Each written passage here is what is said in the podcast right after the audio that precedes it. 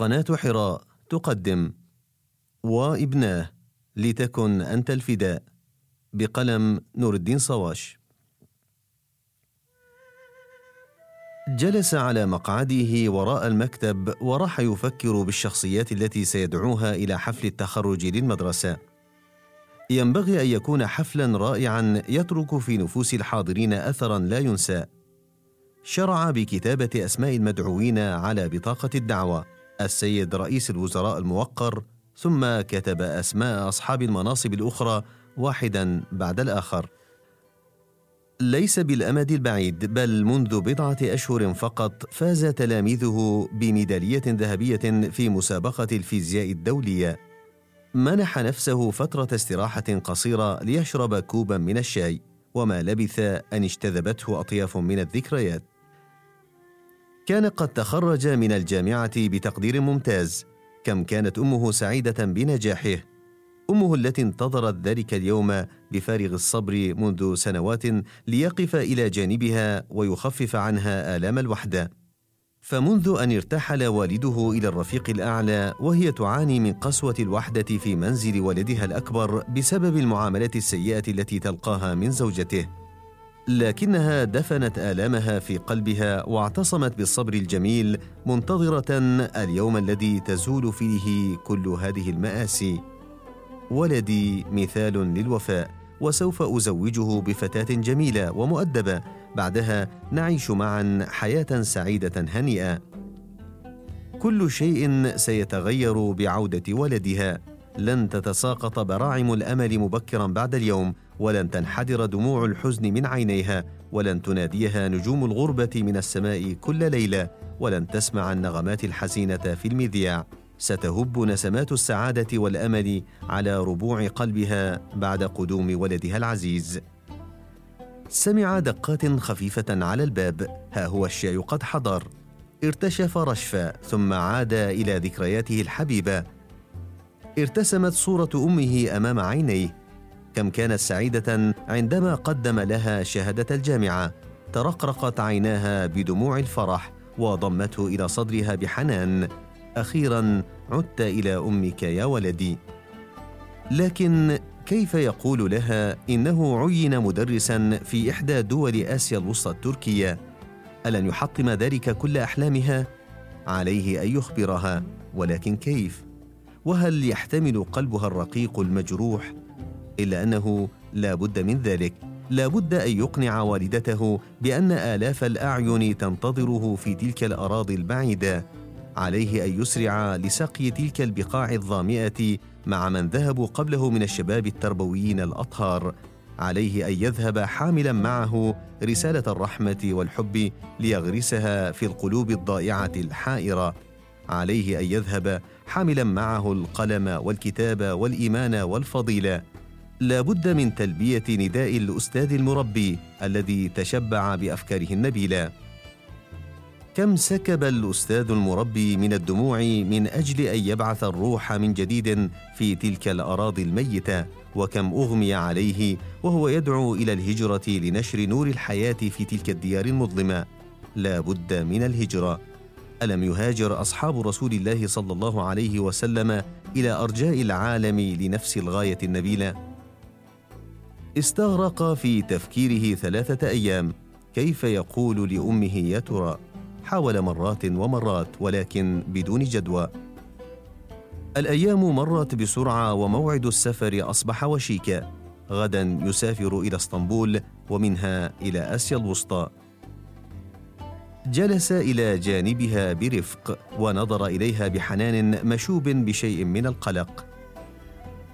أحست بأن شيئا خطيرا سيقوله أطرق إلى الأرض وقد غرورقت عيناه بالدموع وعلقت كلماته في حلقه ثم ارتمى في حجرها مجهشا بالبكاء.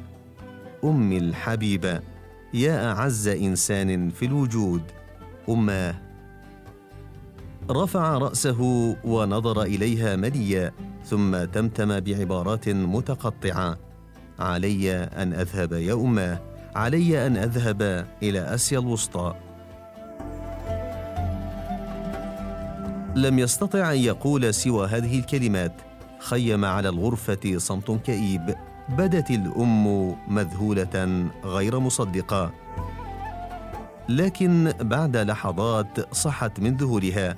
وربتت على كتفه بحنان وسط دموع ساخنة تنحدر على خديها. كانت صبرية هانم من الذين يعرفون معنى الرسالة التي يؤديها ولدها ورفاقه. فقالت وهي تمسح دموعها صحبتك السلامة يا ولدي وسأصبر على فراقك وعلى إساءة زوجة أخيك فاطمئن بالا. في المساء الذي ودعت فلدة كبدها إلى اسطنبول سكبت دموعا غزيرة. كانت قد جهزت حقيبته بنفسها وأعدت له شيئا من الطعام ليأكله أثناء الطريق. لقد تركها وديعة عند الله وليس عند زوجة أخيه. ظلت تلوح له يدها حتى غاب في الأفق البعيد. وفي صباح اليوم التالي وقبل أن يركب الطائرة اتصل بها لآخر مرة. كانت تبكي لكن من الفرح هذه المرة اذهب يا بني رافقتك السلامه لقد حدث شيء لا يصدق. هذا الصباح جاءتني زوجة أخيك وارتمت بين يدي باكية تعتذر إلي وتطلب مني السماح. أرجوك سامحيني يا أمي سامحيني. قالت أتاها الليلة الحبيب المصطفى صلى الله عليه وسلم في المنام وحذرها بشأني وطلب منها ألا تحزنني. فلا تقلق بشاني يا بني اذهب صحبتك السلامه وبعد بضع سنوات عاد لزيارة أمه فزوجته من فتاة تناسبه وتسعده. قالت حسبي أن رأيتك سعيدا يا ولدي. ولكن إذا رزقكم الله ولدا فلا تحرماني من رؤيته لأن قلبي لن يصبر على فراقكما وفراق حفيدي بعد الآن. وفي العام التالي جاءوا لزيارتها وقد بلغ الطفل شهرين من العمر. مضت الأيام بسرعة بأفراحها ومآسيها قضى اعواما طويلة في البلاد التي اعتبرها وطنه الثاني. تعلم في هذه الأراضي النائية معنى الحياة ومعنى خدمة الإنسانية ومعنى غاية الوجود ومعنى العمل لكسب مرضاة الخالق سبحانه. أحب الناس في الله وخفق قلبه لله وبعد أن أصبح مديرا عمل بجد وسهر على تعليم تلاميذه وتربيتهم. لقد كانوا كل شيء بالنسبة له في الحياة فنال ثقة أهل البلد وحصلت مدرسته على جوائز عديدة. تنفس الصعداء الحمد لله كل ذلك من فضل ربي. كان التلاميذ يلعبون بمرح في ساحة المدرسة وأصواتهم الجميلة تملأ الفضاء.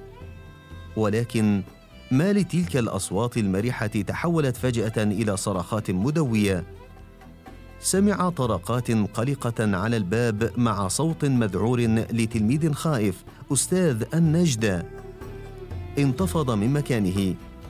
أستاذ أستاذ أحد التلاميذ سقط من الطابق الثاني. أظلم العالم في عينيه. شعر كأن الدنيا تدور. انحلت مفاصيله وكاد يقع على الأرض لكنه استجمع قواه وخرج من الغرفة مسرعا يرتطم بجدران المدرسة. أخذت هواجس الرحمة والقلق تصطرع في داخله. يا إلهي كيف حدث ذلك؟ ماذا لو مات الولد؟ يا رب لقد وثق الناس بنا ومنحونا حبهم وأتمنونا على أبنائهم فلم نخيب ظنهم. ماذا لو أصاب المسكين مكروه؟ ماذا أفعل لو اوقفوا عمل المدرسة بحجة الإهمال؟ يا رب احفظنا. أسرع ناحية المكان الذي تجمع فيه التلاميذ وما إن رأوه حتى أفسحوا له الطريق. وإذا ببدن صغير وقد ارتمى على الأرض دون حراك وسط دماء تسيل من رأسه. مد يديه المرتعشتين ببطء واحتضن الطفل بحنان ورفع رأسه بعناية فعرفه. الحمد لله. انحدرت الدموع على خديه بلا إرادة منه. شعر كأن شيئا ما يعتصر قلبه. ضمه إلى صدره بحرقة وتمتم بألم ولدي. نعم. إنه ابنه وفلده كبده جس نبضات قلبه الصغير ولكن في تلك اللحظة كانت صبرية هانم مشغولة بخياطة ثوب لحفيدها المحبوب. لم تكن تعرف بأفول نجمه المتلألئ في سماء الغربة. كانت شاردة الذهن. وفجأة وخزت الإبرة إصبعها فصرخت بأنين صامت: آه